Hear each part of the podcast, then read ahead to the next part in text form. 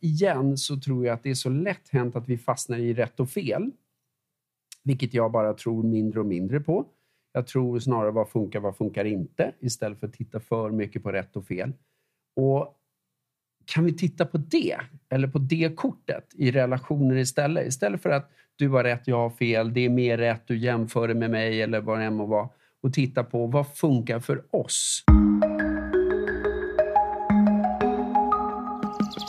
Going Deeper är ett space där vi öppnar upp dörren till vår relation och tillsammans med våra gäster delar vi med oss av de mönster som vi själva har behövt bryta, de rädslor vi behövt möta och de nycklar som guidar oss till att skapa djupare och mer meningsfulla relationer. Vi är här för att ge nya perspektiv och tillsammans med dig vill vi gå djupare.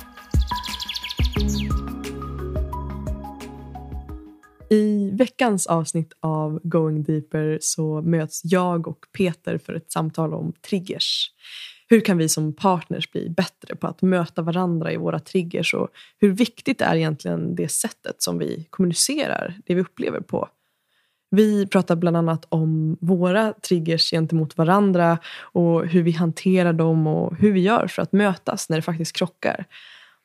Vi pratar också om vikten av att själv ta ansvar över sina triggers och inte lägga ansvaret hos sin partner utan istället nyfiket ställa frågan var kommer den här triggern ifrån och vad är det jag egentligen reagerar på?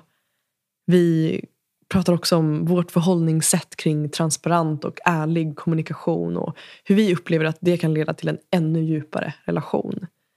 Det här är ett samtal för dig som är nyfiken på att lära dig att möta både dina egna men också din partners triggers.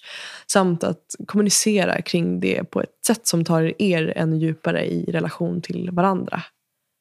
Och det här avsnittet är inspelat på Koh Lanta i Thailand och vi befinner oss i en lägenhet med lekande barn utanför och sjungande fåglar utanför och bygg, byggarbeten utanför och det slipas golv utanför och det låter en massa i bakgrunden. Och jag tror även att det är en AC som är på eh, under inspelningen och jag tänker att det är precis så som det ska vara. Och ehm, jag tänker att det, det bidrar till känslan av att ni är med oss här i värmen.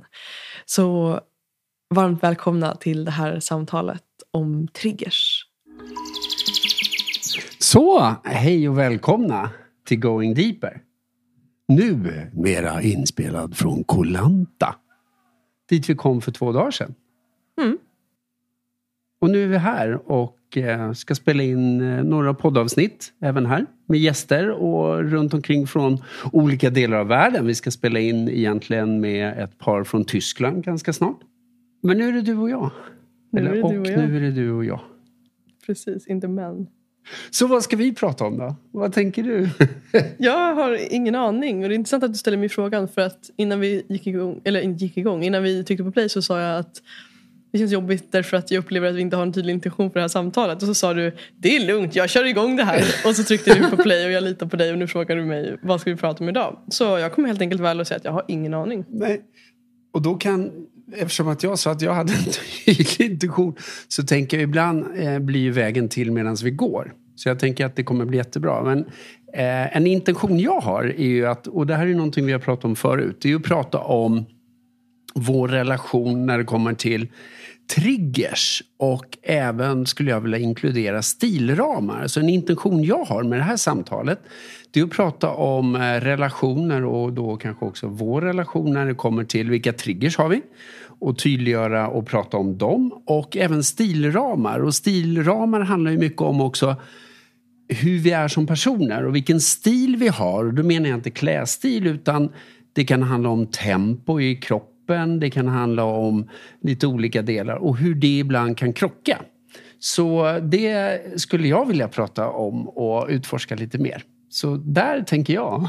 Yes, Känner du dig manad till det? ja, jag är på. Vi sitter ju här med varsin chang nu också. Vad är en chang? Ja, vad är det? Det är en öl. Ja, det är en thailändsk öl. Det är jättevarmt, det är typ 30 grader ute. Vi sitter inne. Och vi har tagit och slagit av AC'n för att den låter för mycket. Så vi får se hur länge vi kan sitta här. Men innan vi börjar. hur mår hjärtat och vad har du ditt fokus? Madde? um, jag känner idag väldigt mycket dubbla känslor i mig. Som jag nu inser när jag svarar på det att jag nog alltid svarar så att det är dubbelt. Och det är nog för att jag, jag verkligen är på en resa just nu, eller det senaste året, av att tillåta mer känslor. Eh, och jag satt nere vid stranden eh, tidigare idag och skrev i min reflektionsbok och då blev det väldigt tydligt för mig att det är just det, det är där mycket fokus ligger just nu. Eh, det är där mitt hjärta är mycket just nu, att tillåta olika dimensioner inom mig. Att eh, det kan vara väldigt mycket tacksamhet och väldigt mycket kärlek men det kan också vara samtidigt väldigt mycket andra obekväma känslor. Eh, så idag vaknar jag nog mer med en känsla av att jag jag känner mig enormt trött och jag är nog fortfarande lite jetlagd. Vi kom ju hit för bara två, två tre dagar sedan. Um, så att jag känner mig fysiskt väldigt trött och som att jag skulle kunna somna här och nu i princip.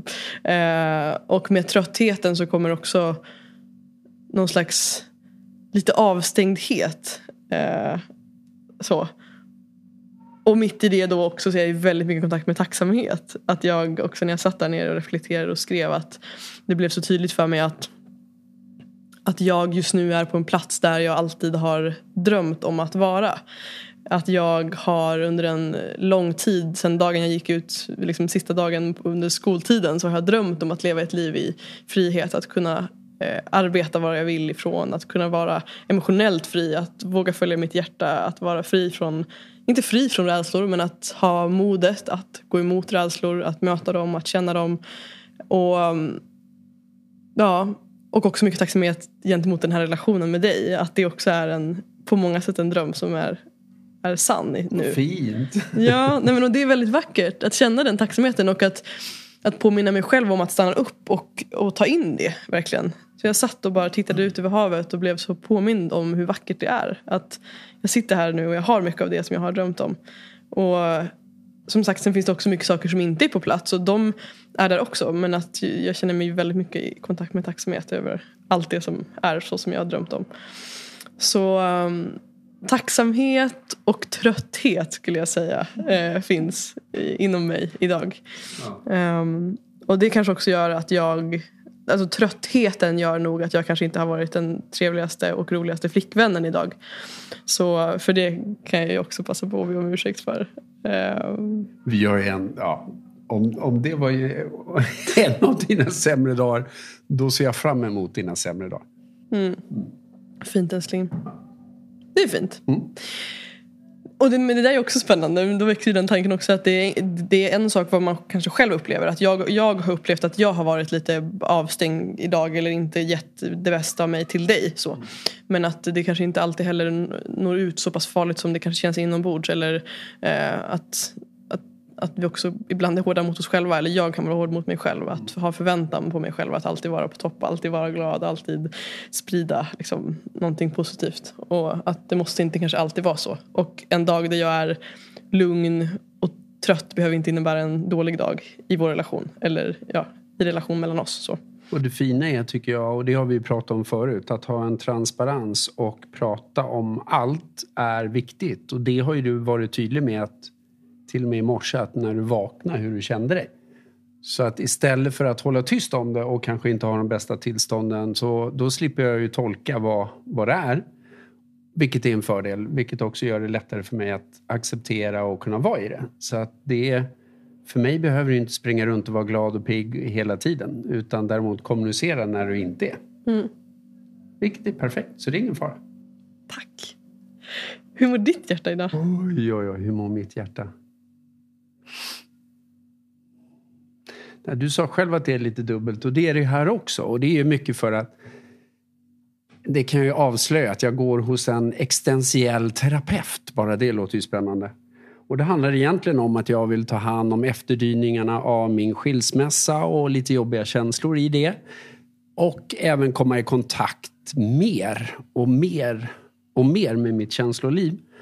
Eh, för att bli bättre på känslor helt enkelt. Och det handlar också om strategier jag haft under lång tid och som utvecklats ända sedan jag var barn.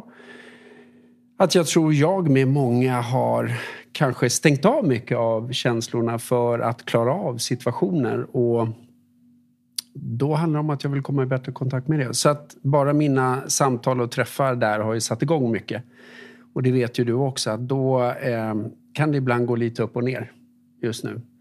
Eh, mer tvivel kan jag känna på mig själv och saker och ting. Eh, vilket eh, kan bli tydligt och samtidigt vara i den här fantastiska miljön här nere gör ju också då att jag kan känna lite dubbelt. Det vill säga att blandat med enorm tacksamhet och glädje av att vara här så kan det ändå väcka saker som jag också vet är gammalt eh, som jag behöver bearbeta och ta hand om. So that's my responsibility. Mm. det är mitt ansvar och det får jag jobba med. Och eh, i och med det sagt så är jag jättetriggad av uh, och över alla samtal vi ska ha här, här nere. Peppad. Jag är superpeppad. Det var spännande att du sa triggad i kontext av att vi ska prata om triggers ja, utifrån vad, vad, triggers kommer vara i det här sant. samtalet. Peppad, blev... det är bättre. Precis. Mm. Så, ja. yes. så vi har alla med oss. Ja. Vad fint. Men jag tänker det är eh, Jag tycker det är så, det är så intressant vad som sker i relation eh, mellan två människor när man spenderar mycket tid tillsammans. Som jag upplever med dig och mig. att det känns som att vi är väldigt synkade i våra processer. Alltså att vi har väldigt vi har helt olika processer rent känslomässigt i oss. Eh, det som jag dealar med i mig och det som du dealar med i dig. Två, alltså innehållet i det är, är helt olika. Eh, men att processerna sen vi träffades har gått ganska mycket hand i hand. Alltså rent, ja, och vad jag menar med det är just det här som du beskriver att du går till den här terapeuten för att, att också tillåta mer känslor att, att flöda. Liksom. Mm. Eh, och att jag upplever att det är också någonting som jag har varit i sen den här sommaren och är i mycket. Att jag har hela tiden varit eh, liksom, precis som du, vi är två positiva personer. Men det, och det är fantastiskt men det har också sina begränsningar. Av att, att jag då och som jag tolkar du också har varit i liksom ett mönster av att alltid se allting utifrån den positiva sidan. Mm. Och som sagt, det kan ju verkligen vara en styrka men det kan också bli en begränsning. Och att vi båda nu är i en process av att tillåta mer känslor.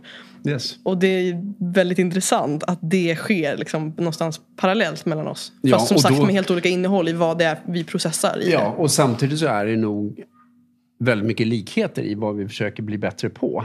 Och där har du ju rätt i också att, och det är ju en spännande del när jag till och med får höra att jag skriver om liksom extremt jobbiga situationer skriver jag om till positiva för mig själv. Och det kan vara spännande och, och så vidare fast egentligen är det jättejobbigt.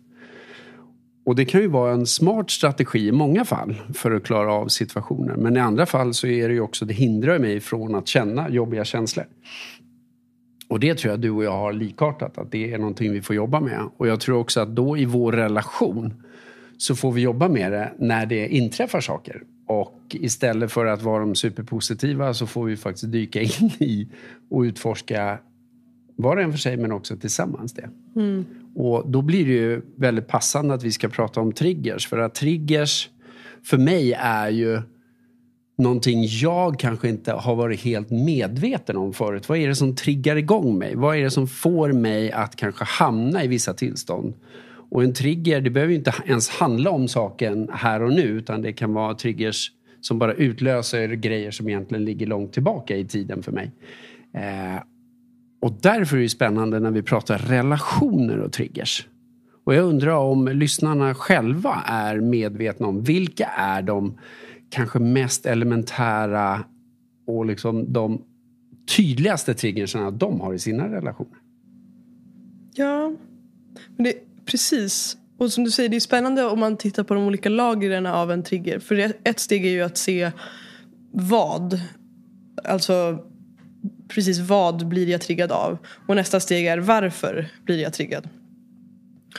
Så vad tänker jag då är jag blir triggad när Peter gör så här. Eller jag blir triggad av människor som gör så här. Eh, till exempel, för att ta ett konkret exempel så, eh, och det, nu blir det jättekul att jag ska ta just det här exemplet för att du tar precis upp din telefon för att eh, jag tror att du ska googla någonting eh, som hör till samtalet. Men en av mina starkaste triggers är nog att i, samt, i närvarande samtal uppleva, uppleva att personen eh, inte längre är med mig. Alltså till exempel att någon tar upp sin telefon eller att någon, eh, ja, att det finns en distraktion i ett närvarande samtal bara som ett exempel, det blir då vad i form av att så här, okay, min medvetenhet om att det här är det som triggar mig. Yeah. Men sen nästa lager blir, ja men varför? Vad är det som påverkar, vad är det som gör att jag triggas? För igen, som jag tror vi också har pratat om tidigare, att en, att en trigger är, är ju så baserat på gamla e, händelser och erfarenheter. För vore det inte så så skulle vi alla reagera på exakt samma sätt inför exakt samma, alltså alla situationer. Um, precis som att jag förstår att vissa människor inte alls blir triggade av att någon tar fram sin telefon under ett samtal. Men att jag blir det och då blir det så här, okej, okay, vad beror det på? Och det är där jag tänker att vi båda är. Att, att, att mer och mer se till orsakerna. Exakt. Och som jag tolkar kommer mycket också, där väljer du själv hur mycket du vill gå in på det, men i dina besök hos den här terapeuten, att mycket har kommit upp där för dig. Liksom, att, mm. att det blir tydligare vilka orsaker som ligger bakom. Mm. Um, ja, så det, den är ju superspännande. Yes. Och nu ville jag ju inte trigga dig utan jag ville snarare titta på vad är den eh, definitionen av ja. en trigger. Och då dök det upp det här. Eh, engelska to cause something to start. I trigger the smoke alarm when blah blah blah. Eating chocolate can trigger blah blah. Det är Cambridge eh, Dictionary, English Dictionary. Eh, det är mycket det är definitioner. Level of a gun that you will pull to fire the gun. Ja, då är det en avtryckare. Det är ju ingen trigger egentligen. Fast det kan ju vara en liknelse, tänker jag. En metafor. Alltså en, en uh, when you pull the trigger on me. Liksom. Det är sant. He pulled the trigger on the shot, shotgun cause an event or situation to happen or exist. An allergy can be triggered by stress or overwork. Hur som helst, en trigger. Det där skapade inte jättemycket mer. Nej, jag insåg också när jag gick in på den, fan det stod inte så bra i alla fall. Så vi skiter i den. Vi kan ta vår egen förklaring av en trigger. Ja, exakt. Men om vi, om vi vänder på det, vad, vad, skulle du säga är din eh, största trigger? Är det det här med telefonen? Eller vad har du för triggers egentligen? Om vi tar gentemot mig. Eller i relation gentemot till mig. Dig. Jag tittade på mig med stora ögon. jag har jättestora ögon. Mm, spännande. Jag tror att... Gud vad intressant. Jag, måste fundera på vad min största medans, trigger är. Vill du medan du funderar att jag tar en trigger som jag har med dig? Ja men det kan du göra. Om du vill. Annars, om du har något på ja, nej, men kör, kör, kör, kör, ja.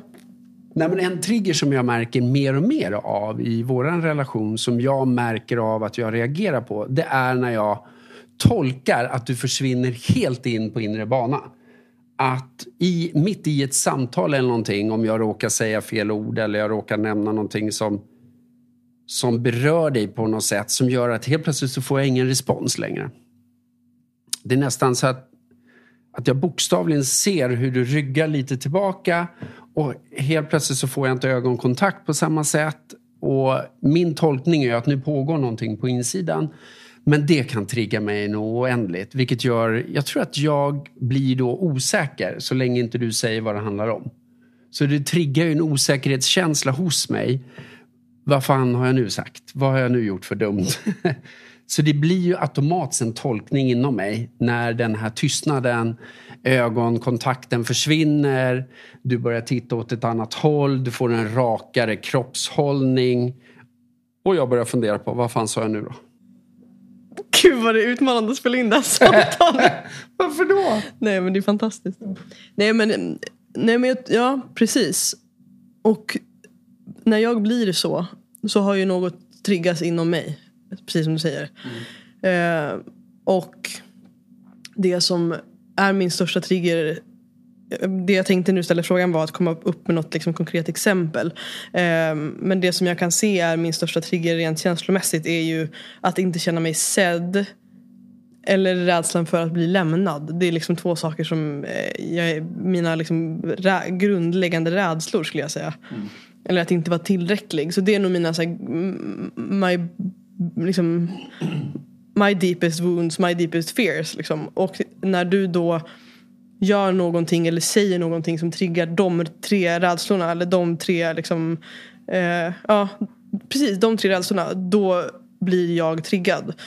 Eh, och liksom, det kan ju vara olika saker som triggar igång det. Det kan vara någonting du säger, det kan vara någonting du gör. Men no någonting som ger mig Antingen en känsla av att jag inte är tillräcklig eh, eller en känsla av att jag någonting kommer förändras, till exempel i vår relation. Um, det, skapar, det väcker rädslan för att bli lämnad, att inte vi ska vara vi längre.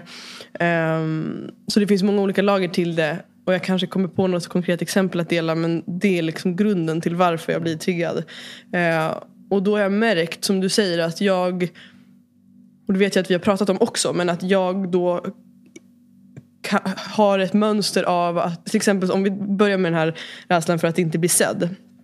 Om vi då är i ett kontext där jag vill bli sedd, behöver bli sedd och upplever att jag inte blir sedd till exempel. Så vore ju det, det, det hälsosamma och det, det liksom mature eh, behavior vore att uttryckligen uttrycka det. Älskling, med kärlek. Älskling jag mm. behöver det här. Jag behöver en kram, jag behöver att du håller mig. Jag behöver att du tittar mig i ögonen. Jag behöver, jag behöver dig nära. Eh, eller vad det än eh, må vara som jag behöver. Mm. Men när jag märker då ett beteende som blev tydligt för mig bara ganska nyligen är ju just det att jag då när jag blir triggad, när den djupaste rädslan triggas så hamnar jag snarare i någon slags fight, flight, vad säger man, freeze. ja. um, och och då är det liksom lilla barnet i mig som är triggat. Det är inte vuxna Madeleine. Vilket gör att den, den medvetenheten, den mognaden liksom försvinner i den stunden. Och då blir det så som du beskriver. Att jag fryser till is, jag blir kall, jag går in på inre bana. Jag kan inte prata. liksom, och en del av det beteendet, det här med att gå in på inre bana. Det, det finns en del av det som jag ser som någonting som är eh, en del av den personen jag fortfarande vill vara. Det handlar om reflektion, att liksom lyssna inåt och så vidare. Men, men det i kombination med min, mitt kroppsspråk, mitt sätt att, liksom den här kylan som också slår mig då. Det är ju någonting som jag inte vill ha där. Eh, I en drömvärld liksom. Eh, och dit jag är på väg. Men att den delen av det som jag tycker är fint är just det här med reflektionen. Att jag märker att jag är en person som behöver, för att kunna se vad jag blir triggad av, så behöver jag också reflektera kring det själv. Och det är det, det, det jag tror är intentionen med att jag gör, alltså den, den reaktionen eh, finns det en intention med liksom, undermedvetet. Och det tror jag är den intentionen om att reflektera och titta inåt. Men att den kommer fel ut. Och jag tänker att ett nästa steg skulle kunna vara då att istället för att göra det i tystnad utan att kommunicera med dig skulle då vara att så här, okej, okay, nu behöver jag landa i det här själv. Eh, jag, jag går i vägen, alltså det blir tydligare för din del. Liksom. För det jag märker också är då att jag gör ju och det tänker jag är intressant för att koppla det till strategier. Alltså att jag då har ett behov av att kanske få närhet av dig. Oftast brukar det vara det att jag behöver känna närhet, jag behöver känna kontakt med dig. Och istället för att uttrycka det så gör jag någonting som skapar raka mot, alltså motsatt effekt. Så att vi hamnar längre ifrån varandra istället för närmre. Mm. Och det tänker jag också kanske hänger ihop med det här att vi människor någonstans så här, istället för att om jag är rädd för att bli lämnad så är det enklare att själv lämna innan, ja. den, än att bli lämnad. Um, ja, den har jag varit med om många gånger. Absolut. Med, Som en strategi menar jag. Med mig eller med? Nej, med Anna. Mm. Andra. Med Anna? med Anna. med Anna. Vem fan är Anna? Anna med andra, absolut. Med andra, ja. Nej, men, och jag tror just det här med att, och det som är spännande utifrån det du säger, det är också när Alltså när jag blir tri alltså mina triggers går igång av dina triggers. Alltså när vi triggar varandra. För att det som är spännande om vi har kvar exemplet som du beskriver, eller som jag började med att beskriva, det är också att och det har jag fått reda på, på tal om vad jag är villig att berätta om eh, mina möten med terapeuten. Men det är också att jag förstår ju att mycket av varför jag jobbar med det jag gör och så vidare, det är... Jag vill ju på något sätt få människor att förstå varandra bättre och liksom eh, underlätta kommunikation och samarbete. Men i det ligger nog en drivkraft i att jag har känt mig oförstådd väldigt mycket som barn och den är ju spännande. Eh, och då är det spännande på det sättet att om du vid något tillfälle när vi pratar checkar ut som jag tolkar och du lutar dig tillbaka, inte har samma ögonkontakt, jag märker att du går mer på inre bana, börjar reflektera då kan ju det trigga mig, alltså mitt lilla barn inom mig som egentligen vill förstå, eller jag vill känna mig förstådd. Jag vill ha någon interaktion. Helt plötsligt känner jag mig ensam och oförstådd. Och det är det som ligger till grunden kanske för mig och mycket av det jag brottas med. Så att då triggar vi varandra i det. Och det är ju inte så himla bra, tänker jag, om vi inte väljer att prata om det och lyfta upp det till ytan. Och det är det jag tror också att att förstå våra triggers är en viktig bit. Att lyfta upp det till ytan och sen prata om det. För att ett, ett annat exempel som är förstås relaterat till det här det är också att när vi har haft ett bråk exempelvis. Då har ju vi olika behov ofta. Som du sa att en av dina största rädslor är att bli lämnad. Alltså behöver du mycket närhet. Medan om vi har bråkat då kanske inte det första jag tänker på det är att gå fram och krama dig. Utan då behöver jag gå härifrån, jag behöver vara i fred. Och då har vi två olika behov. Så du kanske behöver en kram medan jag behöver space och behöver vara för mig själv och sortera vad var det som hände egentligen. Och, för då kan jag ju mer bottna i mina egna behov och vad det var egentligen som hände. Och då har vi ju egentligen diametralt olika behov i en sån situation. Som också är kanske inte helt optimalt, tänker jag. Exakt. Nej, men och det, och det är ju jätteintressant för att som du säger, det enda sättet att lösa det på, eller det kanske inte behöver finnas en lösning överhuvudtaget. Jag tror inte att det behöver liksom egentligen lösas. Utan snarare som du säger, att det är samtalet som är, är vägen i det. Att kunna mötas bättre. Mm. Sen kanske det inte är så att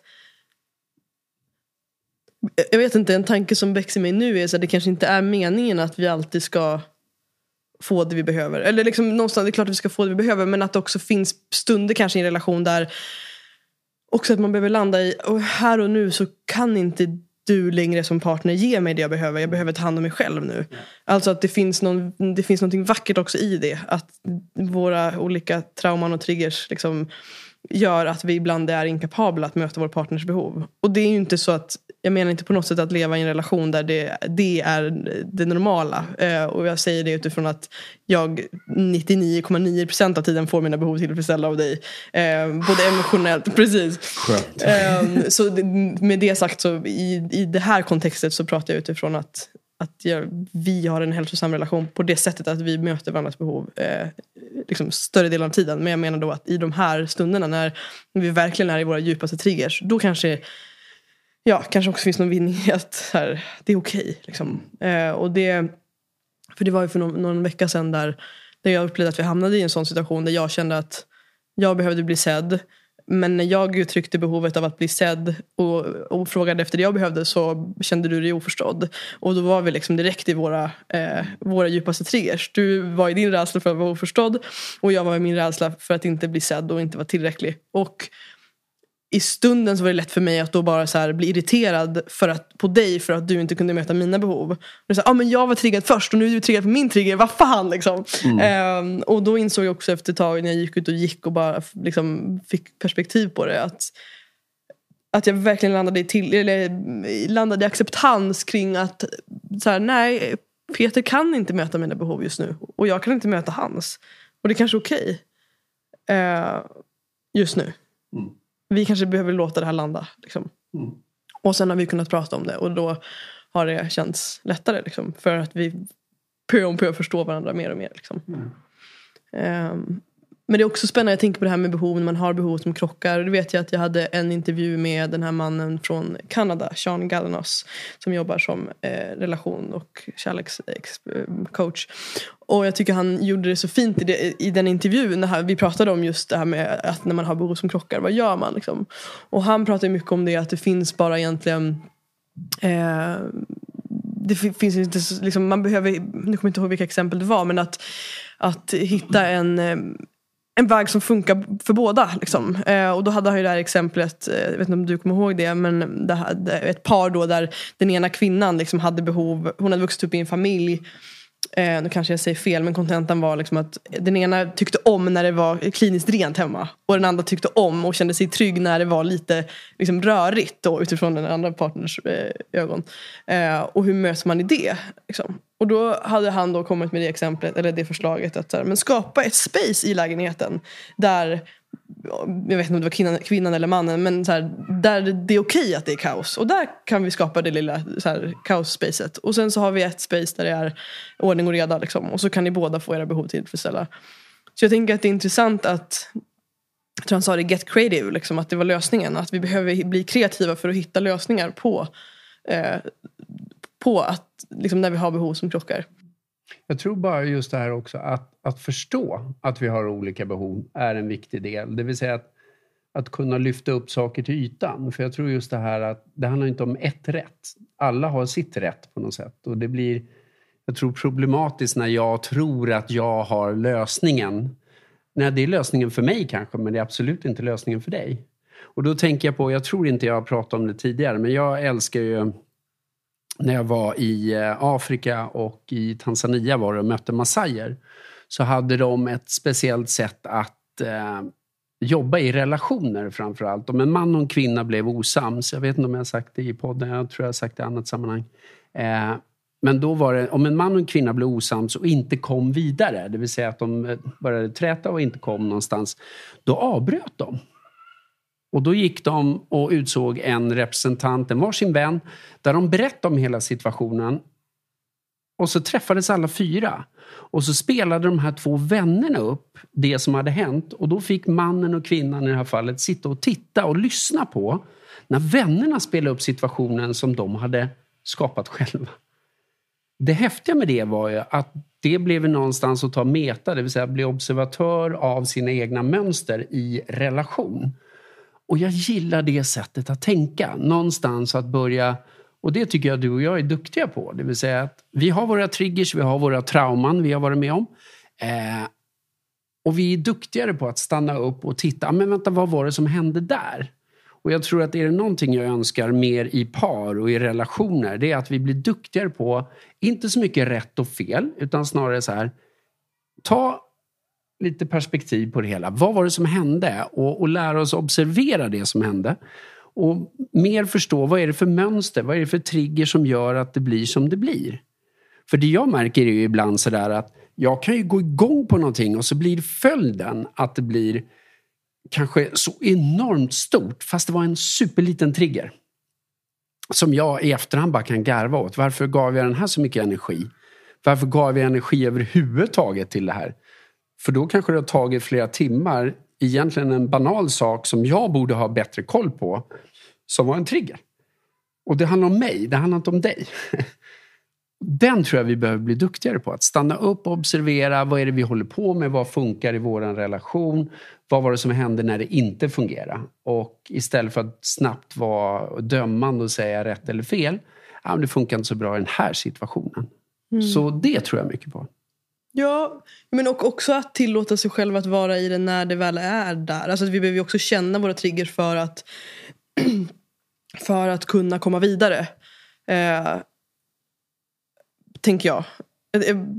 Jag kommer ihåg när jag var i jag vet inte om det här skapar mening, om det inte gör det så tar vi bort det. Eh, men när jag var i, i London för några veckor sedan och bodde med min vän Malin där så eh, hade vi en, en liksom alltså var det en situation där jag upplevde, jag blev triggad på dig och vi var triggade på varandra. Och du blev triggad på mig? Ja men du vet det här. Oh, fan, okay då. Ja, jag blev triggad på dig och så hade vi det samtalet och sen så var jag ju liksom med, med Malin då och eh, och då, jag var ju i min trigger då och hon bor som sagt i London och jag bor här så att vår vänskap består mycket av liksom, att vi pratar på distans. Det gör ju att hon sällan har fått se mig i alltså, in a reactive state. Liksom. Hon, hon får bara kloka Madeleine som eh, har alla svaren och eh, liksom, eh, fattar. She get it, gets it. Liksom. Så det är den delen hon har sett av mig. Sen i det här kontextet då när jag var i min trigger med henne så vet jag att hon sa någonting. Hon sa det att eh, men, men det, Madde, det handlar om att du inte har tagit hand om ditt, om ditt trauma. Eh, att, nej, hon sa, det handlar om att du inte tar hand om ditt trauma, tror hon sa. Och jag blev jättetriggad på det hon sa. Och jag sa det, men det, det är inte sant. Liksom. Och först blev det intressant att jag då, när jag redan var triggad, blev triggad på det hon sa. Och sen nu i efterhand så inser jag så här, att jag blev triggad för att det inte kändes sant. Därför att för mig är det också en del av att ta hand om någonting är ju att först uppleva det. Alltså jag behöver uppleva det för att sen kunna ta hand om det. Eh, och det tänker jag också då att det är lätt att sitta här och prata om att vi ska vara observatörer och vi ska liksom, men det, det blir någonstans också en logisk nivå. Vi måste också känna det vi känner mm. för att sen kunna observera. Exakt, och för mig är inte det ett motsatsförhållande. Nej, för mig handlar det snarare om att, och det är också en någonting jag behöver jobba mer med och det är att jag har varit alldeles för snabb och, dissociera, det vill säga att lämna känslan och titta på mig själv utifrån och nu med tillgång till andra känslor. Och det är en bra strategi i mångt och mycket. Men ibland behöver jag ju vara i känslan. Men Exakt. frågan är snarare hur länge jag ska vara i känslan. Och där tror jag många är för länge. De går och är arga på varandra eller de är kvar för länge. Och då menar jag att där kanske vi inte ska vara. Men om jag inte tillåter mig att ens vara i känslan, som kanske har varit min utmaning, då är det ju snarare det jag behöver träna på. Och det är det jag tänker är hela det jag ville komma till, precis som det du säger. Att det handlar om att se, att titta på sig själv. Vad har jag för utmaningar? Eh, och att när, om någon lyssnar på det här samtalet, att också så här, applicera det vi säger utifrån sina egna förutsättningar. Eh, som, eh, om vi nu klumpar ihop dig och mig till ett vi, men att vi båda har ju snarare utmaningen av att vi redan ser allting positivt. Vi är redan observatörer av oss själva. Det är vi duktiga på. We got it. Det vi behöver utmana oss med, det är att tillåta oss att känna det vi känner. Och det är precis lika liksom, viktig utmaning. Eh, det är liksom inte bättre att vara duktig på att vara positiv. Det är lika bra. Ja, såklart du tycker det. Eh, det är lika bra att kunna känna negativa känslor och vara i, i, i låga tillstånd. Men att så här, okej, okay, vart har jag min utmaning och utifrån mm. det sen anpassa. Och sen tror jag vi får inte glömma bort helheten. För att någonstans när dagen är slut, vad har, vad har jag varit med mina tillstånd? För om jag är duktig på att känna negativa, eh, jobbiga tillstånd och så har jag varit i det mesta delen av dagen vilket gör att helheten blir att jag håller på att bryta ner mig själv. Det tror jag inte på. Så där blir det ju någonstans också jag tillåter att vara i negativa känslor men hur länge ska jag vara i det och vad gör det med mig utifrån en helhet och utifrån en långsiktighet och hållbarhet. Där tror jag vi behöver tänka till. Precis, på samma sätt som att vad gör det med mig i helhetsmässigt om jag går runt och är positiv hela tiden? Vart är jag då om 50 år och vilka sjukdomar har jag då i min kropp? Ja, det ser du ju på mig. ja, ja, du är ju frisk som in ett helvete. Nej men, Nej, bara, ja. för Nej, men positivt tänkande, för att vara tydlig, det är ju kanon. Det är riktigt bra och jag tror inte på att springa runt och vara positiv hela tiden. Och det tror jag vi bägge två. Vi har ju mött varandra tror jag också för att hjälpa varandra att bottna mer i känslor och bottna mer i att förstå också att bakom en positiv fasad finns det någonting annat. Eh, och det får vi jobba med. Yes. Tack för den utmaningen. Ja, exakt. Vad tog vi väg? jag vet inte, men jag tycker det här är skitbra. Men jag tycker det är spännande. Mm. Nu går jag tillbaka till det här med behov och att mötas i olika behov. Mm. Eh, och det här med att hur kan man bli kreativ. Eh, how, how to get creative liksom, när det kommer till eh, att man har olika behov. Och då tänker jag på det här exemplet som du sa att efter ett, ett bråk till exempel. Eh, I vårt fall då. Att vi, vi oftast då så har jag ett behov direkt av att känna närhet med dig. Att jag vill möta dig, jag vill krama dig, jag vill vara nära dig. För att annars så blir jag rädd för att någonting ska förändras. Jag blir rädd för att bli lämnad. Liksom. Eh, och att du då har ett raka motsats, ett motsatt behov. Liksom. Du har ett behov av att eh, ja, av space, av att landa i dig och för att sen kunna möta mig. Eh, och jag tycker det är intressant, nu vet jag inte om det var smart att ta det här som ett exempel, jag hade kunnat ta något helt annat. Men, men att i ett sånt fall till exempel så skulle man kunna ha, vi skulle kunna ha en dialog jag tänker att det, det, är olika beroende på vart man är i sin trigger och vad för typ av bråk, på vilken nivå det har varit. Mm. Men om jag till exempel har behov av närhet och jag säger till dig så här, jag har behov av närhet och du tolka då kanske att närhet är att vi ska ligga och kramas och kolla varandra in i ögonen. Och direkt så kanske du tänker, nej men det kan jag inte göra. Därför att jag är frustrerad, jag är triggad och jag behöver space. Mm. Eh, men igen då, på tal om tydlighet och så här, okay, men vad är närhet i det här kontextet? Det kanske, för mig skulle det på riktigt kunna hjälpa. Om typ du sitter där tre meter bort i soffan, um, lyssnar på din musik, whatever, i ditt space, men typ håller min lilltå. Alltså mm. en sån liten grej. Det är svårt grej. om jag är tre meter bort. Men jag, fattar, men jag fattar ja, men din kropp kan ju vara det, men du sträcker armen liksom. Ja. Nej, Principen av, att, av att det är lätt också att tro att nej, men det är inte möjligt att mötas i behoven. Och det, det är nog det jag vill komma med det här. Jag, jag, tror att ofta är det kanske möjligt att mötas i behoven. Sen kan det ju vara tillfällen då du inte ens vill hålla min lilltå eller mitt lillfinger för du vill vara på en annan plats än nej, jag. och du var, ju, du var verkligen helt rätt. Och jag tror att många relationer och speciellt kanske sådana som har varit ett tag glömmer bort. Det är att att vara tydliga på en detaljeringsnivå. Det vill säga att ja, om du säger närhet, då gör jag ju min tolkning vad närhet är utifrån säkert det jag tänker. Och det kanske jag inte alls kan ställa upp på. Så när du säger sitt tre meter och, och håll min lilltå eller vad det nu må vara. så kanske jag absolut kan ta det. Och då är vi tillbaka till där vi började. Att jag tror väldigt mycket på eh, transparens, att kunna prata om allting när det kommer till kommunikation och framförallt vara tydlig vad du behöver. För att om jag säger också jag vill känna mig älskad av dig eller jag vill att du visar mig mer kärlek så finns det hur många specificeringsgrader av det som helst. Jag måste ju vara tydlig med att säga att jag vill att du eh, snarare du, du kommer och liksom lägger din hand om min nacke eller du gör någonting helt annat som jag önskar när jag pratar om visa mer kärlek. Precis. Jag vill att du tittar mig i ögonen, jag vill att du säger någonting och så vidare. Och det är också spännande för om vi går in på lite love language, alltså det vill säga vad, hur uttrycker vi vår kärlek om vi gör en liten ramglidning till det. Det är ju också vad, vad är det jag behöver i det? Och det tror inte jag att jag har varit speciellt vare sig medveten eller tydlig med i tidigare relationer. Att vi kan uttrycka kärlek på så många olika sätt. Ehm, och jag har nog inte ens varit medveten om vad jag behöver. Nej. Nej, precis. Och det där är så spännande. För att det skapar en... Det kan, det, den medvetenheten om de fem kärleksspråken. Och inser nu att vi skulle i princip kunna ha ett helt samt avsnitt om det. Vi får ta det. Men om så, vi bara men inte nu, precis, nämner det, vad, vad, det finns för olika. Exakt, och finns det ett intresse så får folk höra av sig och så gör vi det då.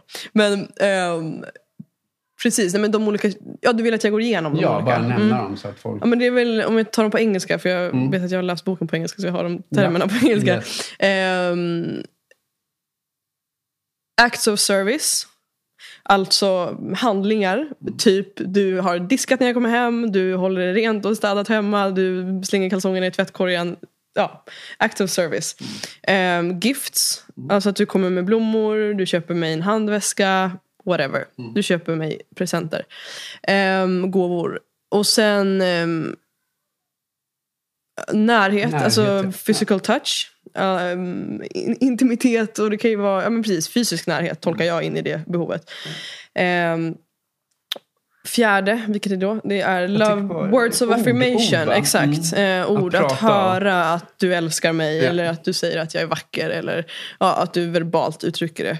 Mm. Eh, och den femte är att, eh, nu ska vi se vad den heter, tid, quality time. Exakt. Så eh, att spendera tid tillsammans. Eh, och det kan ju ta sig uttryck på olika sätt. Men det är de fem kärleksspråken.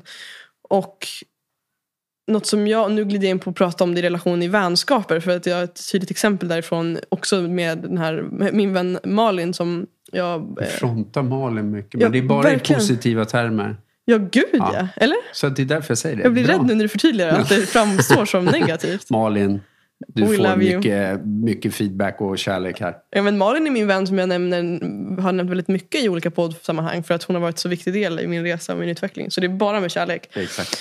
Um, men så var, vi, var jag i London i alla fall med henne då, som sagt. Och under den resan så, det var väldigt intensivt som alltid om man reser med, med en vän som man kanske inte alltid har rest med mycket så, eh, så blir det intensivt. Eh, och, ehm, och då blev det så tydligt att hon till exempel har, och eftersom att vi också har väldigt tydlig och öppen kommunikation i vår vänskap så blev vi det här, det är därför jag kan prata om det nu för jag vet att vi har kommunicerat kring det. Hon har ett kärleksspråk av just acts of service. Alltså att hon, jag kom då som gäst till henne, till hennes lägenhet, till henne, det landet där hon bor. Eh, och ett, ett sätt för henne att visa kärlek var att liksom provida mig med saker, eh, hitta vägbeskrivningar, att eh, ta, liksom, ja, acts of service på, på olika sätt. Eh, planera för våra aktiviteter, eh, make sure att jag har liksom, mina saker med, har du med i passet, har du, alltså, så här, ja, att, ja, acts of service tolkar, tolkar jag in i det behovet. Eh, och nu kommer jag inte på några fler exempel hur, hur hon gav mig det. Men så, och tidigare då i vår vänskap, eh, för till exempel två år sedan när vi inte hade den här kunskapen, så var det här någonting som triggade mig enormt mycket när hon gjorde de här sakerna. När hon försökte ge mig kärlek genom acts of service, alltså handlingar, eh, så blev jag triggad. Så att det som hände då blev ju att eftersom att vi inte hade den här medvetenheten och den här kunskapen så blev det att det tog oss längre ifrån varandra istället för närmre när hon försökte ge mig kärlek. Hon är liksom den personen, jag tror aldrig jag träffat någon som är, är så mån om att visa och ge kärlek, vilket är så vackert. Mm. Och då är det så sorgligt att tala om så här, intentionen hon hade. Men där jag då var och där vi var i vår relation för två år sedan så kunde vi inte mötas. Och det blev att jag blev triggad istället för känna mig älskad. Ja, och det jag ville komma till då var just att eh, i den här vänskapen nu då tack vare att vi har kunnat prata om det och att jag har fått förstå nu att okej, okay, så när Malin gör det här så är det hon egentligen gör att hon visar att hon älskar mig. Ja. Precis. Och det var så fantastiskt då att se under den här resan nu att allt hon gjorde nu, som var exakt samma saker som hon gjorde för två år sedan, det nådde mig nu som kärlek för att jag förstod vad det var det handlade om. Tack vare de här eh, fem kärleksspråken, att jag hade förstått dem. Och jag ville dra den storyn mest för att förtydliga liksom vad, vad det här kan hjälpa till med i relationer. Och jag tänker också där i relation mellan dig och mig att, att det också det, det underlättar att kunna kommunicera kring det. Och det är ju igen att vara tydlig med behov och vad jag egentligen behöver. För jag kan ju ta en tidigare relation så insåg jag, inte då utan snarare nu, att eh, den kvinnan köpte mycket saker till mig eh, vilket var hennes kärleksspråk i mångt och mycket som jag märker nu. Medan jag tror jag mer har ett behov av ord, alltså att skriva små kort med ord eller någonting, visa kärlek och uppskattning där. Eller framförallt närhet som jag gillar väldigt mycket. Eh, och då är det lätt att vi missmatchar varandra i det, vilket jag inser ju nu hur mycket man skulle kunna tjäna på att faktiskt tala om vad är dina behov när det kommer till love language, alltså kärleksspråket i sig. Och i och med det, vad, vad är dina då? Vad, är, vad sticker ut mest för dig? Vad är dina? Kan du fråga mig? Jag var jag, inte beredd på att det skulle komma en fråga. Så jag så frågar du mig? Jag, jag frågar dig för att jag vill att vi ska bjuda på det. Nu mm. jag berättat, för mig är ord viktiga men också närhet. Mm. Och quality time absolut. Eh, köpa grejer till mig är egentligen inte, kommer inte alls högt upp. Mm. Det är inte det viktiga för mig. Just det. men för mig ehm, så skulle jag säga att ja, men närhet är kanske den viktigaste också för mig. Och jag tror det är därför också som allt har känts så lätt med dig. Att vi, har, vi är synkade i de behoven. Så att det kommer naturligt för oss båda. Mm. Uh, och ja, så närhet är nog den viktigaste. Och ja, närhet. Gud, jag känner att jag har alla, alla behoven, men närhet... Ja, och jag menar, självklart kan vi ha det, men någon ja, men, sticker ju oftast jag, ut lite. Jag skulle säga närhet och quality time faktiskt. Mm. Um, skulle jag säga. Och sen kanske words of affirmation, att få höra att du älskar mig. Mm. Uh, att bara för att vi har spenderat mycket tid ihop så innebär det inte att jag känner mig... Alltså att de, de går hand, ihop, hand i hand. Liksom. Ja. Um, och det som är viktigt också tänker jag med de, just de här kärleksspråken och det som är fint med dem också är att ingen, inget kärleksspråk är ju mer värt än något annat. Nej, det är inte, bättre, jag. Det är inte rätt och fel. Som du nämner det här med, med gåvor. Liksom att, och det är jättefint att se att den, partnern, den tidigare partnern då, som du nämnde, gav ju dig gåvor utifrån den djupaste kärleken. Ja. Liksom, och hur fint det är. Och, och jag inser ju att jag ja. kanske inte visade den uppskattningen som jag kanske borde. För jag fattade Nej. inte riktigt det. Nej. Och det är det som jag igen tycker är så fint. Att i en relation verkligen jobba med att förstå varandra och förstå varandra på rätt sätt. Det låter massa här i bakgrunden, jag märker att de håller på att jobba. Men om lyssnarna hör hur byggarbetarna jobbar så får de bara tänka så här, det, det inkorporeras i det här och får bara lyssnarna att lyssna ännu bättre. Och de är trots allt med oss, de är i Thailand, de är i värmen, de är i solen. De dricker en de kall är, öl med oss. Ja, och de är på en byggarbetsplats. Ja. Det börjar också bli väldigt som... varmt för att vi var tvungna att stänga av Asien. Exakt, jag. jag känner svetten börjar lacka. Ja. ja. Nej, men det är spännande. Och jag tänker som sagt, nu när vi pratar om det så inser jag att vi skulle kunna prata ett helt samtal om det. Mm. Uh, och lyfta in det mm. ännu mer.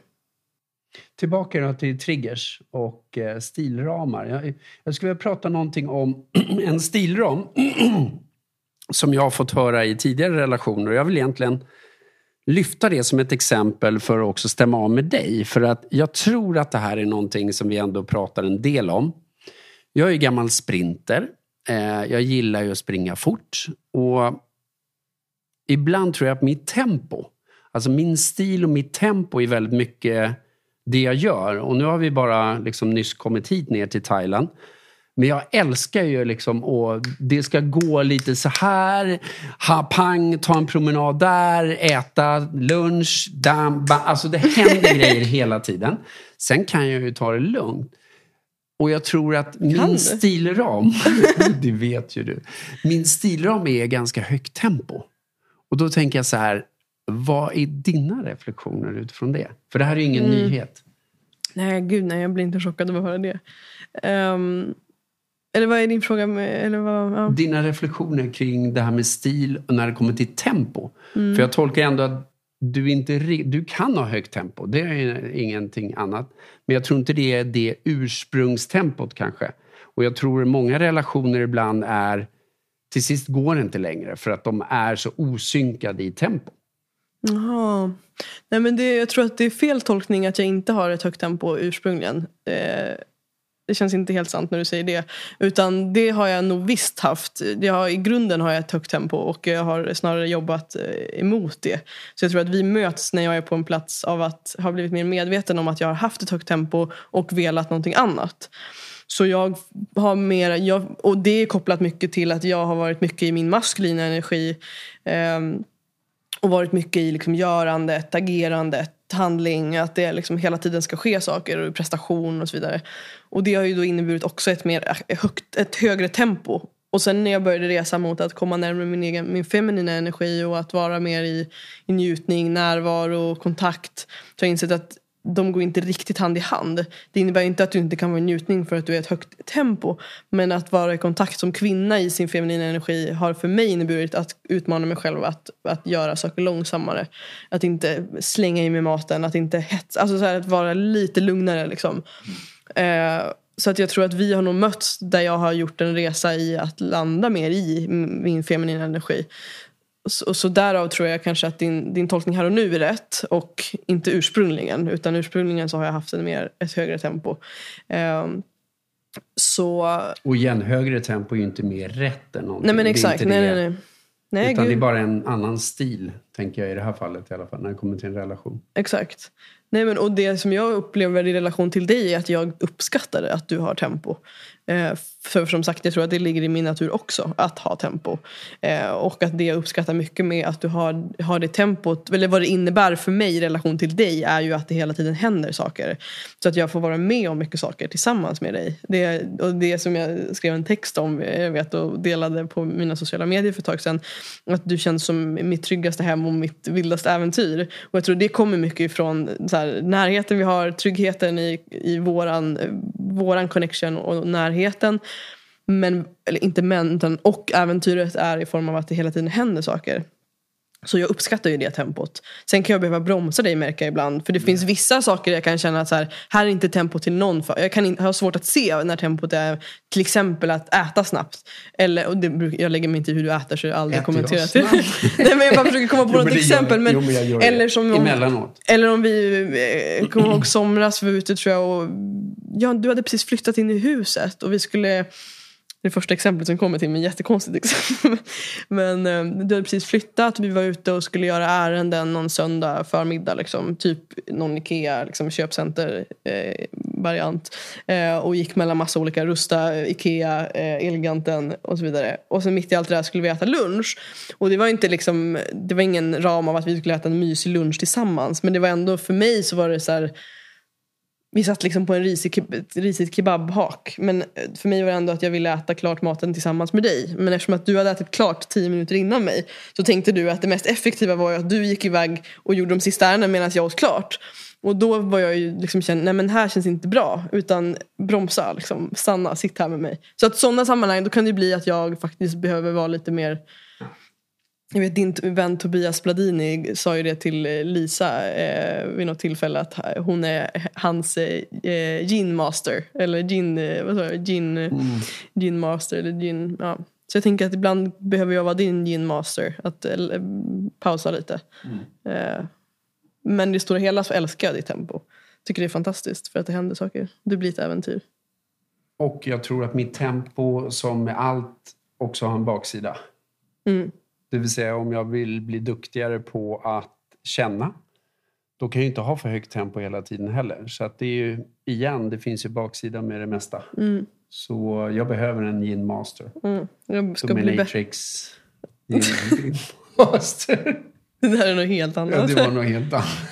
Det du, behöver, behöver, inte, du behöver det också. det behöver jag också. Behöver Ja. inte gå in på här och nu. Det blir ett avsnitt för sig. Nej men ehm, ja. Du då, vad tänker du? Tycker du jag är en slapp, slapp jävel? Ver, verkligen inte. Nej. Nej, men, och varför jag tar upp det är igen att jag har varit i tidigare relationer där vi kanske inte ens har pratat om tempot utan det snarare visar sig sen när det sen tar slut att vi har haft olika tempo. Att det har varit en sak som kanske har legat och, alltså, och gnagt. Och igen så tror jag mer på att prata om det när det dyker upp och händer saker som faktiskt påverkar relationen negativt. Och som gör att vi kanske glider ifrån varandra istället för någonting annat. Men det är också spännande för det som kom till mig nu när jag hörde dig prata var alltså igen att vi, det här med, att, här, med relationer. De är här för att läka oss. Det är här vi utvecklas. Som eh, Therese Mayburn sa i senaste intervjun att eh, ta tillvara på relationen. Det är den bästa platsen för att utvecklas. Och det jag ville komma till nu var att vi i relationer får precis det vi behöver för att bli mer förankrade i vår sanning. Så det jag kan uppleva som ibland jobbigt med att du har ett snabbare tempo är att jag ibland hamnar i jämförelse. Alltså om du till exempel att du jag menar att du vill göra mer saker i mig eller du vill träna oftare eller du har ett annat tempo. Att jag, kan då, att jag på något sätt värderar det som någonting mer positivt och ser på mig själv då kanske som ja, att, jag, att jag då skulle vara liksom latare eller att jag inte ska att jag inte hin- orkar med eller hänger med. Liksom. Och att det blir någonting som jag kanske slår på mig själv lite för. Eh, och det hänger ju ihop med, tänker jag då, Alltså, jag har varit mycket i min maskulina energi. Och det tack vare då att du har ett högt tempo, att det kanske ibland triggar igång osäkerheter i mig. Tack vare det så får jag ju landa ännu djupare i, eh, i så här, ja, men det här är min sanning och det är okej för mig att inte träna idag. Eller det är okej för mig att eh, vila nu. Eller det är okej för mig att ligga kvar i sängen till en timme till fast du har gått upp. Alltså att det är okej därför att för mig så handlar resan om att komma tillbaka till det feminina. Jag ska inte vara som dig. Jag, du ska vara i dig och jag ska vara i mig. Liksom. Så jag tänker att vi får det vi behöver. Eh, alltid. Men i det stora hela så tycker jag bara att det är härligt. Vad skönt. Ja. Ja. ja. ja. Är det något mer som vi sitter och tänker på? Det är så mycket annat som dyker upp i mitt huvud nu också. Eh, när det kommer till det vi pratar om. Och du sa någonting så här om att vi får det vi behöver. Och jag skulle vilja stanna lite i det. För någonstans är det så här att jag tror också på det. Men hur ofta förstår vi att vi får det vi behöver? Eh, och vad jag vill säga med det är att jag tror i många relationer så är det lätt hänt att vi kan triggas igång och bli irriterade och så vidare istället för att förstå vad är min lärsituation? Vad, vad är det jag ska lära mig i just det här? Det som händer. För jag håller verkligen med dig om att någonstans så tror jag att universum är förträffligt på det sättet att de förser oss med, eller universum förser oss med utmaningar, lärdomar i så många förtäckta eller på många förtäckta sätt. Men det finns i det. Och det är det jag tror är kanske en, för att gå tillbaka till där vi börjar någonstans, där med att, att bli duktigare på att observera våra egna mönster blir också att vi kanske kan, ja men vänta stopp. Vad var det som hände där? Fanns det någonting vi skulle lära oss? Och då kanske lyfta det som par eller som relation. Var det någonting vi skulle lära oss eller inte? Eller var det någon, det här var bara min lärgrej själv. Det har ingenting med dig att göra utan det var snarare att du drog igång en trigger hos mig som gjorde att jag behövde nagelfara mig själv, gå in på djupet i mig själv. För att igen så tror jag att det är så lätt hänt att vi fastnar i rätt och fel. Vilket jag bara tror mindre och mindre på. Jag tror snarare vad funkar, vad funkar inte istället för att titta för mycket på rätt och fel. Och kan vi titta på det? Eller på det kortet i relationer istället? Istället för att du har rätt, jag har fel, det är mer rätt, du jämför det med mig eller vad det än må vara. Och titta på vad funkar för oss? Eh, kortsiktigt, långsiktigt eller vad det nu än må vara. Det tror jag mer på. Så att jag skulle också vilja kanske att Eh, skicka med att, att våga ifrågasätta våra egna valda sanningar om rätt och fel. Och vad funkar, vad funkar inte? Skapar din mening vara kopplat till det du sa? Det skapar jättemycket mening och det skapar jättemycket mening och det som jag kom tillbaka till och eh, det var igen tillbaka till triggers. Att ja, men vi pratade om det senast igår det här också att vi, vi liksom committade till och värderar i vår relation att vara i en, i en liksom, transparent och ärlig kommunikation hela tiden. Att dela det som eh, är levande i oss någonstans. Och i det tänker jag att då handlar det också mycket om att, kommuni att kommunicera sina triggers. Att så här, okej okay, men nu är jag triggad på det här som du gör. Eller att vi delar. Och det är väldigt fint. Och samtidigt hur eller ja, det vill komma till hur vackert det är och hur mycket magi det skapar i en relation att ha det. Och också samtidigt vilket enormt jobb det krävs. Därför att det är en sak att dela. Det, för det, det har varit mitt jobb så här, until now. Till idag och framåt så har mitt fokus legat på eh, och innan jag träffade dig också att utmana mig själv i att våga vara mer öppen och ärlig i min kommunikation. Eh, I relation till vänner, i relation till nu till dig och så vidare. Eh, och den resan har ju då handlat om och modet i mig att våga kommunicera. För det har jag inte haft tidigare. Jag har inte varit duktig på att kommunicera. Jag har haft en press på att jag är dålig på att kommunicera eller att jag inte vågar kommunicera och så vidare. Så där har mitt fokus legat. Och nu då i relation till dig när jag applicerar det här i en relation, vilket är helt fantastiskt.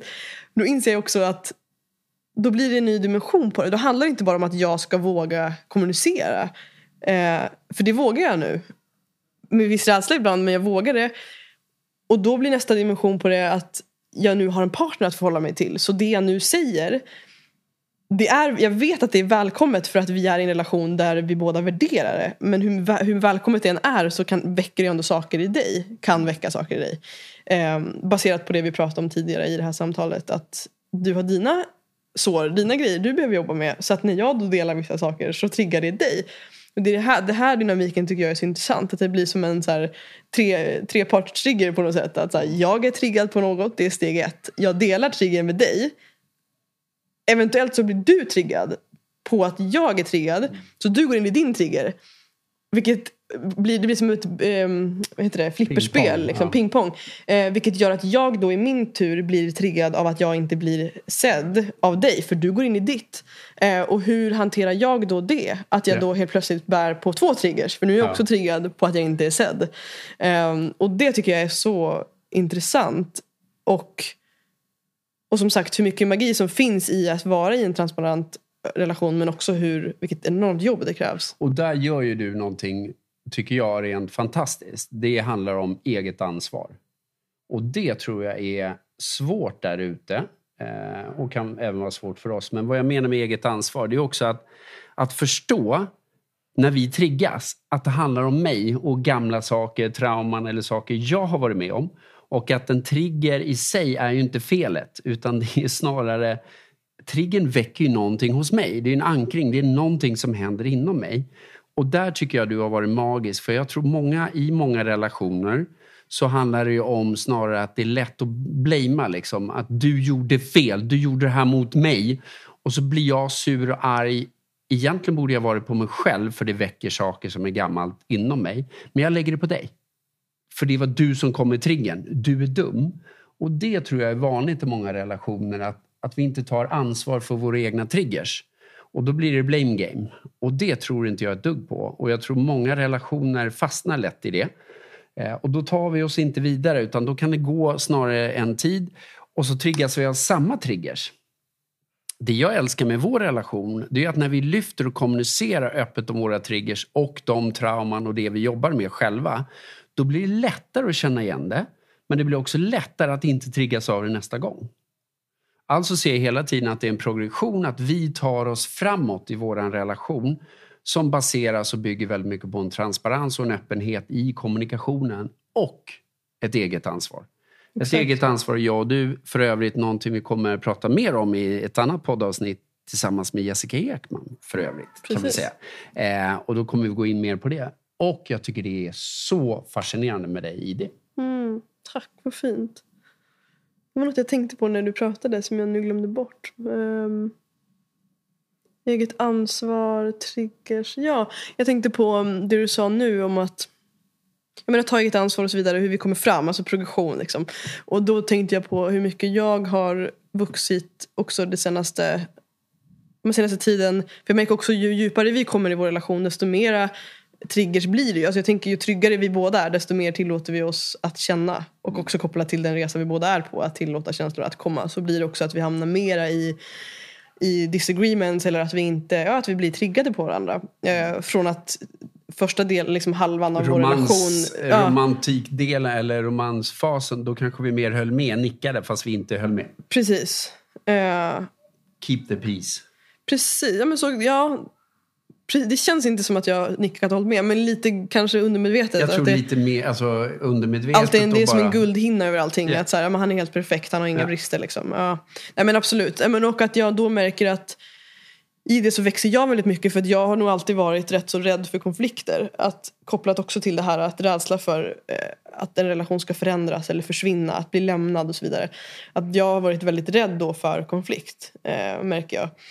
Och Ja, att det är någonting som jag märker nu tack vare att vi mer och mer kan kommunicera om saker som vi inte kanske förstår i varandra eller har svårt att förstå i varandra. Så blir jag också mer och mer trygg med när det dyker upp. Att jag fortfarande är, eller att jag har lättare då att hitta tilliten till vår relation. Att det, det är du och jag. Liksom. Och det tror jag kanske är någonting som jag behöver hjälp att bli påmind om. Eller som jag försöker hjälpa mig själv att, att påminna mig själv om när det är konflikt. Att så här, det är du och jag. Och jag vet, jag har med, bär med mig det mycket från Fredrik Svan när han sa det att vi, vi, har den här, vi har den här diskussionen för att vi väljer varandra. Och det tror jag är någonting som också men som jag jobbar med att påminna mig själv om och som jag tror också skulle kunna hjälpa mig att bli påmind av dig i situationer där vi är i disagreement för att känna mig ännu mer trygg. Att så här, det är du och jag. Liksom. Eh, det här innebär inte någonting annat än liksom, vi har det här baserat i kärlek även om det är disagreement nu. Så det var mer en reflektion som kom till mig att jag såg i min egen utveckling att det har hänt saker där. Att jag är tryggare i konflikter nu än vad jag var för ett halvår sedan. Det är bra. Det är bra. Det är du och jag. Ja. ja. Ja. Ja. Jag tänker att det är allt för idag. Ja, jag vet inte hur länge vi har pratat. Typ en timme tror jag. Jag tittar till och med längre än en timme. Oj. Nu ska vi gå ner och ta massage. Exakt, en timmes oljemassage. Inte helt fel. Så magiskt. Och eh, för er där hemma, kör oljemassage ni också. På varandra. Ja, det är faktiskt ett bra sätt. Det var länge sedan vi gjorde det faktiskt, på Ja. tal om det. Ja, nu ska vi låta andra knåda oss. Ja, det är bra. Det är Ja. mysigt också. Ehm, fint. Och som sagt, nästa avsnitt så möter vi Johanna och Francisco som är ett par som bor i Tyskland. Och vi kommer att prata om ett samtal på engelska för de bor i eller Johanna är svensk, Francisco, var kommer han Ja, ifrån? Johanna är dessutom min kusin, min fina kusin. Precis, hon är helt fantastisk. Och Francisco, nu vet jag inte exakt var det han kommer ifrån, men eh, engelsktalande i alla fall. Så vi kommer då släppa avsnittet på engelska och det kommer handla då om hur man skapar tillit och eh, ja, how to create trust Exakt. i relationer. Trust and connection in relationships. Yes. Så det har ni att se fram emot. Yes. Och eh, ja, vi ser fram emot att höra från er som alltid. Exakt. Ta hand om er. Yes. Peace. Hej då! Tack till dig som har varit med oss idag. Vi är så nyfikna på hur det här landar i dig. Vilka tankar, insikter, frågor och kanske till och med triggers väcks inom dig. Det betyder enormt mycket för oss att få ta del av dina processer och vi ser fram emot att höra från just dig. Skulle du vara intresserad av att gå ännu djupare och fortsätta det här samtalet så har vi också skapat en Facebookgrupp för att samlas och connecta. Och du hittar den genom länken som finns i beskrivningen till det här samtalet. Ett annat sätt att hjälpa oss att sprida samtalet vidare och att hjälpa oss att vara en del i att skapa en mer nyfiken och öppen värld är att posta det här på din story och helt enkelt visa att det här är perspektiv och samtal som behöver lyftas. Än en gång, tack till dig som är här med oss.